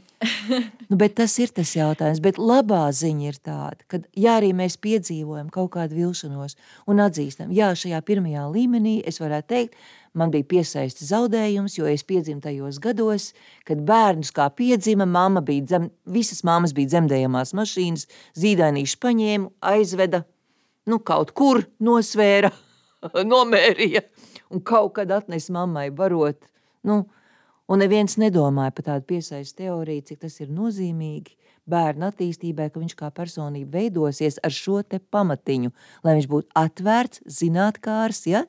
Jo, ja pieņemsim, labais scenārijs, viņš uzticās. Tad viņā veidojās patstāvīgums, jeb autonomija. Tas viņa es sāk formēties. Un tad ir bērni, kas sāk runāt, es pats, es pats, es pats aiznesīšu to krūzīti, un mamma saka, pagaidi, pagaidi, tu izliesi. Ja atņem bērnam to patstāvību, viņam parādās kaunas sajūta. Vienmēr sakot, odarītē tiek šūtas kabatiņas. Kabatiņa ar nosaukumu, vai es uzticos vai neusticos, ja? vai es vienkārši varu būt patstāvīgs un to akceptē, un es drīkstu kļūdīties, vai to neakceptē, un man ir kauns par to, ka es neesmu tik spēcīgs. Nu, tādā zemapziņas līmenī tas ir. Un, piemēram, nu, mēs bieži, man liekas, pierunājam to kaunu sajūtu. Mm. Ja iet runa par toksiskām attiecībās, kurās ieiet sieviete, ja? ka viņai tā kā iekšējs ir kauns būt pašai, jo Jā. viņai nav tā autonomijas sajūta, ka attiecībās ir divi cilvēki. Es plus es, kas veido mēs. Bet, ja ir traucējumi tajā es līmenī, tad tas otrs paliek milzīgi liels, un tas pirmais paliek milzīgi maziņš. Un tas nākošais eh, ir, domāju, tas, kad ir jau nu, tāda bērnības sajūta, ka bērns nu, no tās um, patstāvības viņš pāriet uz iniciatīvu. Tas ir joprojām es, pe, es pats, bet es pats arī varu uzņemties un izvēlēties darīt kaut ko, nevis tikai sekot. Vai ne? Un tad arī ir, es domāju, tas pozitīvais sanāk tā iniciatīva, bet ja tu to vēlies, kas ir dabiski, bet tev aizliedz, jo ir piemēram pāraprūpe ģimenē, kad tiek visus paplāts pienest klāts. Tad īstenībā par, parādās tas uh, slimīgais scenārijs, kur tu vienkārši jūties vainīgs par to, ka tu tā kā gribēji, bet nespēji, jo tev nedēva apstākļus, lai tu mēģinātu kaut ko. Un reizēm ir tā, ka mamma sūdzās par pusauģiem, kuri neko negrib, kuriem nav motivācijas. Un tad es saku, nu, paskatīsimies, kas notika, kad viņam bija kādi trīs, četri gadiņi. Kas notika tajā periodā, kā jūs viņu iepazināt, nu, kādas bija tās pazīmes un kā jūs uz to reaģējāt. Un tad bieži vien tas stāsta atklāja to, ka tas tiek nomākts. Un tagad redzat, mēs trīs lietas tikai esam nosaukuši no zīdainītes. Tad ir eh, bērniņš, kas tā kā aug, ja? Un tad nākošais jau ir nu, tāds pirmsskolnieks, kas jau tā kā var būt radošs un piedāvāt kaut kādu savu iniciatīvu. Un tālāk viņš aiziet uz skolu, un skola mums dod kompetences sajūtas. Un kas notiek skolā, kāda nu katram ir pieredze. Vai nu tu iekļaujies tajā sociālajā vidē un iekaro pirmo reizi tādu pieredzi par sociālām kompetencēm, ka tev pieņem, ja tevi atgrūž. Un ja tev skolā atgrūž, tad es domāju, tā ir vēl viena trauma, ka tu jūties nekas savā pašvērtējumā. Un ļoti bieži tajā stāstos ir nevis tikai par esošo situāciju, par toksiskām attiecībām, bet bieži vien tās kājas aug no šīs attīstības, kas ir aizvedušas tik tālu nu, pie tās realitātes, kurā cilvēks ar šiem negatīviem scenārijiem, nu, tas tikai liekas, nu, katliņam ir savs vāciņš, vai ne? Un te nevar teikt pati vainīga, jo tas ir stulbākais, ko darīt. Jo arī varmākam ir šādi paši traucējumi. Vienkārši varmāk ir izvēlējies citu aizsardzības formu. Nu, caur spēku noslēpt kaunu, bailes, ja? vainas sajūtu, caur spēku noslēpt to. Jo tad ir apliecinājums ārpasaulē, es varu un es varu, ir vara principā. Tas nav tajā pozitīvajā, ko mēs runājam, uzņemties iniciatīvu, teikt, es varu kaut ko izdomāt, es varu pateikt, ko es vēlos, es varu sadarboties, es varu sākt saprast pasauli, vai ne? Es varu griezties pēc palīdzības, ja man sociālajā sfērā ir tāda pieredze, kad mani neapceļ vai neiedzen stūrī, kad es uzreiz dodu signālus, es meklēju pieaugušos, nu, kas iesaistās, atrisināt kaut kādus konfliktus, piemēram, atrisināt mobbingu skolā. O, vai ne? Nu, un līdz ar to šis ir tas pamats. Un pēc tam, ja mēs aizējām uz pusauģu vecumu, kad vispār ir ļoti grūti saprast, tas, ko mēs runājam arī par tiem nu, zaudējumiem, kad vai iet pie vecākiem vai neiet, tas ir drusku tāds pusauģis sajūta, tāds apjukums, kas es esmu liels vai mazs, kāda ir mana identitāte, kāds ir mans atbildības līmenis, kur ir mana personīga atbildība, kur es tomēr varu griezties, eh, dalot atbildību ar cilvēkiem, kam es uzticos, ja es uzticos, ja ir saikne. Ja? Ja nav saikne, tas ir grūtāk. Bet vienalga kaut formas pēc. Es domāju, ja kāda meitene paņem tikai somiņu un aizbēg prom no, no situācijas, kur viņa ir apdraudēta, arī tad, ja nav labas attiecības, bet viņai vienkārši vajag mājas jumtu virs galvas, viņai vajag ēdienu, ja, gultiņu, neko vairāk. Arī tas ir vairāk nekā nulle. Neanalizējot attiecības. Vienkārši ir tā sajūta, ka es zinu adresi, kur man neizdīs ārā. Cerams. Es nezinu, kādiem jābūt monstriem vecākiem, lai viņi aizslēgtu durvis un savu bērnu atstātu uz ielas. Man uh, ir tāds vienkārši man pašai interesē es arī pirmkārt es gribēju pieminēt, ka mēs uh, ļoti atbalstam terapiju, mēs atbalstam uh, mentālo veselību, rūpe, rūpes par mentālo veselību, un uh, mēs ļoti gribam, lai valsts arī apmaksātu psihoterapeitus un iedod mm. to mhm. iespēju. Bet nu, pagaidām ir psihologa. Uh, nu, iespēja dabūt desmit uh, balsts apmaksātas reizes uz mm -hmm. psihologu. Uh, bet um, Un tas bija atkāpē nedaudz. Bet, uh, kā lai pasakā, uh, es jau esmu brīvībā no tām toksiskajām attiecībām pusotru gadu, nu, nedaudz vairāk par pusotru gadu. Un uh, šajā laikā es esmu daudz gājusi pie terapeitiem, arī pie psihiatra. Es esmu gājusi un risinājusi šīs lietas, un tev šajā laikā izstrādājis, kā es pati to saucu un definēju, X-ray brilles ka tu visas situācijas analizē, cilvēkus analizē. Un principā tas ir radies manu traumu rezultātā. Um, un es arī saprotu to, ka emo, nu, ja tev vienkārši es sajūtu, piemēram, kaut kādu emociju, un es uzreiz viņu cenšos analizēt. No kurienes viņa ir radusies, kāpēc, kas to ir iztrigerojis, kāpēc. Nu, eh, un ir tās emocijas, kuras varbūt nevajadzētu tik ļoti stipri analizēt. Bet vienkārši man ir izstrādājies, tas ir, nu, varētu to saukt varbūt par aizsargu mehānismu, to mm analizēšanu, mm -hmm. lai sev nenodarītu pāri. Un tad tu tā kā tu dzirdi, nu, tā kā tu sajūti, tu izanalizē, un tu, tu nesaproti, ko ar tām emocijām darīt.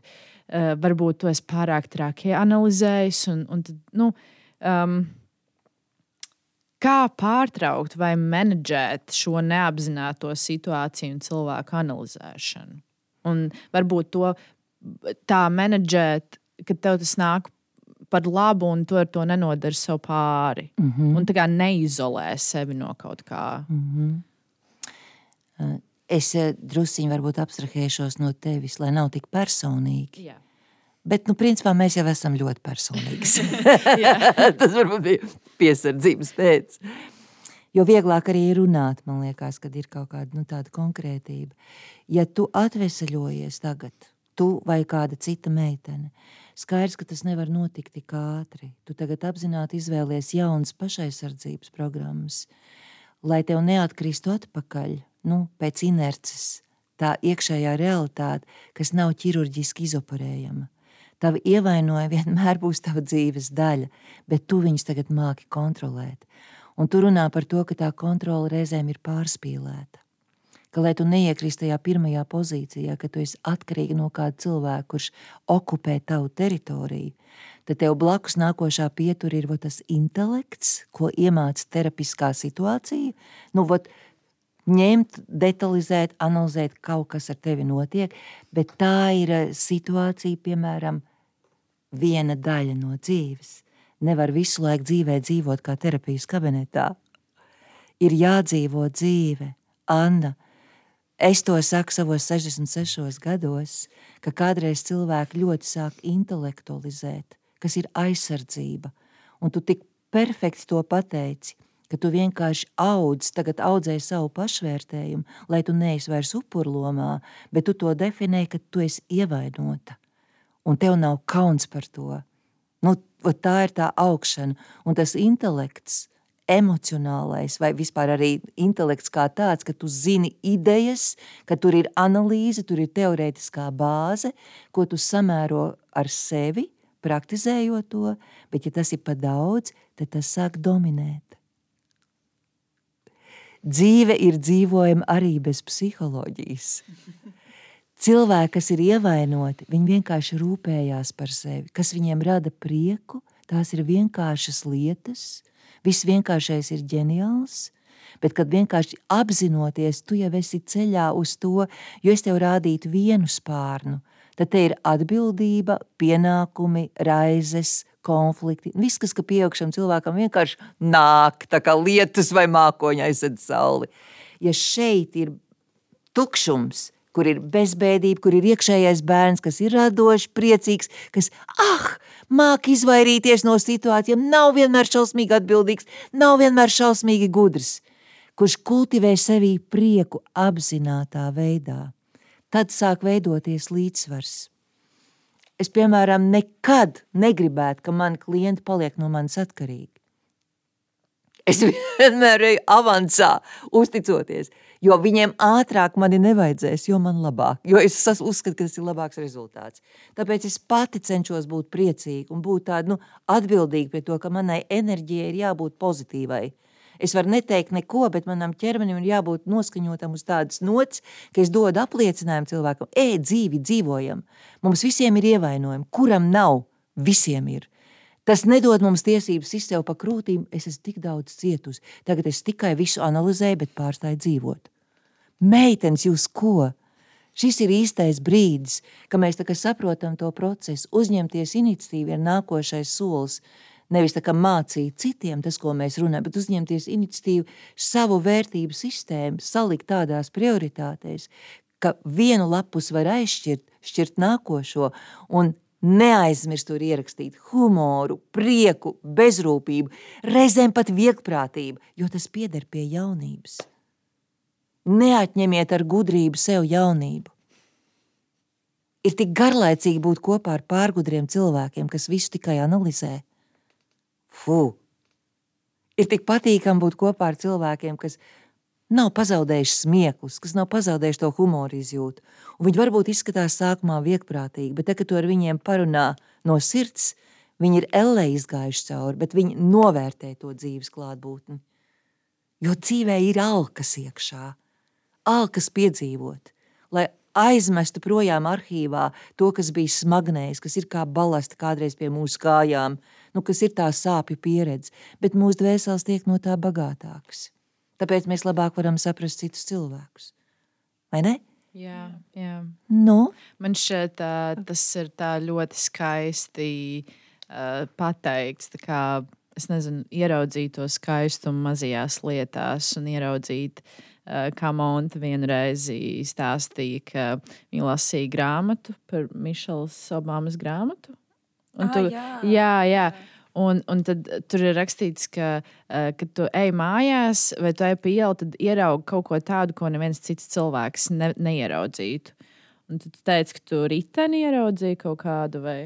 Jā, es, es biju izlasījis to jautājumu, bet es nebiju atbildējis uz to jautājumu. Man bija tāds, nu, es, ja man būs iesaistīts, tas iekšēji paskatīšos. Un, jā, un tad, pēkšņi es skatījos un redzu, ka kādam uz balkona stāv sarkans ritenis. Tas man tā arī ir iesēdies. Tagad katru wow. reizi, kad es eju pa to ceļu, es vienmēr paskatos uz to riteni. Jo, uh, jo es nezinu, tas kaut ko tādu simbolizē, to, tās mazās lietas, par kurām priecāties. Un, uh, man tieši vakar bija saruna par to, ka, uh, nu, cik ļoti forši ir, ka es es, e, nu, kas ir brīnums un ka tos brīnums piedzīvot. Un tad es arī teicu tajā sarunā, ka es esmu iemācījusies ieraudzīt tās mazās lietas, un tie ir mani tie brīnumi dzīvē, par ko priecāties un uz ko fokusēties. Un, un jā, manuprāt, ir tas, ka varbūt mums ļoti gribās analizēt ikdienā daudzas lietas, kā jau Anna teica, un ka ir tā vēlme redzēt visu sīki, sīki, tad jau, nu, tad mēs to neredzam vairs kā brīnumu vai kā dāvanu sev. Mēs jau to redzam kā vēl vienu analizējumu objektu, par kuru padomāt un kuru ieraudzīt savādāk, bet varbūt tiešām ir jābūt tai bezrūpībai ikdienā, un lai varētu būt laimīgi. Jā, tas ir mūsu saulainais bērniņš, kurš māk transformēties no ievainotā bērniņa uz saulaino bērniņu, neatkarīgi no mūsu pases datiem. Un viņš ir lolojams. Un tā, man liekas, ir tik vienkārši sajūta, ka cilvēki, kas ir nobrieduši, spēj kļūt par vecākiem paši sev iekšēji un nolikt vienmēr to bērniņu vai priekā, vai peļķē, papūst celīt, ja viņš sāp, palīdzēt piecelties, bet tas viss darbojas vienā personā. Un ja mums vēl ir kāda laimīga iespēja būt kopā ar tuviem cilvēkiem, ar kuriem mēs to varam dalīt, nedzīvojot kaut kādās ideālās gaidās, vai ne? Bet novērtēt to mirkli, kas ir, ka mēs esam viens otram. Man šeit ļoti skaisti. ļoti. Vai jums ir vēl kaut kas uh, piebilstams? Varbūt ir kaut kāds, uh, kaut kāds vēstījums, ko jūs gribat nodot maniem, mūsu klausītājiem.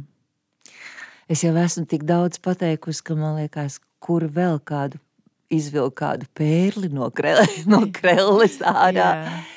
Jo tas labākais, man liekas, ir, ka mēs varam justies gandarīts par šo sarunu, ka mēs paspējām apskatīt, man liekas, tik daudz aspektus. Gan to sāpīgo daļu, gan arī to ticību iedot, kad var piedzimt no sevis, arī tad, kad liekas, ka tas nav iespējams. Bet uh, to, ka dzīve tiešām ir tikai viena, un ka tas es pēc būtības ir tāds mazs kodoliņš, kuram ir atvēlēta biļete transportā kas saucās Kāp iekšā, bet nesēdi blakus šoferim, turies pie stūres un nosaki pati savu maršrutu. Un ja tu esi pārliecināta, ka tu esi parūpējies par sevi, lai tu varētu izstrādāt maršrutu, uz kurien tu ej, un kādus cilvēkus tu ieaicinās savā autobusā, tad tas ir tas vienkāršais dzīves gudrības, tāds mazs komplektiņš, Un tu vienmēr arī pati atveroties, satiks atvērts cilvēks, nu, kas tev vienkārši bagātinās, ar kuriem tu varēsi sasildīties un atgūt ticību dzīvei. Neviens nav pelnījis paņemt vāru pār mums. Neviens. Lai cik tas būtu tuvs cilvēks, reizēm ar vecākiem ir jārunā. Arī viņi nav pelnījuši, ka bērni pārņem varu pār vecākiem, tāpat kā bērni nav pelnījuši saņemt varu no vecākiem. Tāpat mēs arī pāri pieaugušo attiecībās neesam pelnījuši, ka kāds iedomājās, ka viņš var atļauties būt diktators vienā personā. Ja? Tēvs, tiesnesis, audzinātājs, nosodītājs, tāds, kas ir viszinis, lai noslēptu to, ka viņš pats netiek ar savu dzīvi galā ieraudzīsim, es domāju, ka šis tagad izskanēs baigā aicinājumi. Ieraudzīsim to, ka reizēm vilka ādā slēpjas mazs zaķīts. Ja iet runa par cilvēkiem, kas mums ir redzami, ka viņi demonstrē sevi vairāk nekā tas pieklājās pašapziņīgam cilvēkam. Domāju, mēs teiksim jums lielu paldies par to, ka jūs atnācāt šodien pie mums ka manuprāt, tiešām gan man un Annai, gan visiem mūsu klausītājiem ir kaut kas aizķēries. Un es zinu, man šodien ir vēl priekšā brauciens uz mājām, un man būs pārdomu pilns brauciens, bet pozitīvā nozīmē. Un, ka, jā, es domāju, mums būs daudz citātu, ko no šī paņemt. būs, manuprāt, Herbertam būs ļoti interesanti šo klausīties un montēt. Un, jā, paldies jums tiešām liels, ka jūs esat tāds saules stariņš, manuprāt. Uh, šajā sabiedrībā, un ka jūs ar tiešām savu talantu, savām prasmēm spējat dot tik daudz. Paldies jums liels! Mm, paldies par jaukiem vārdiem!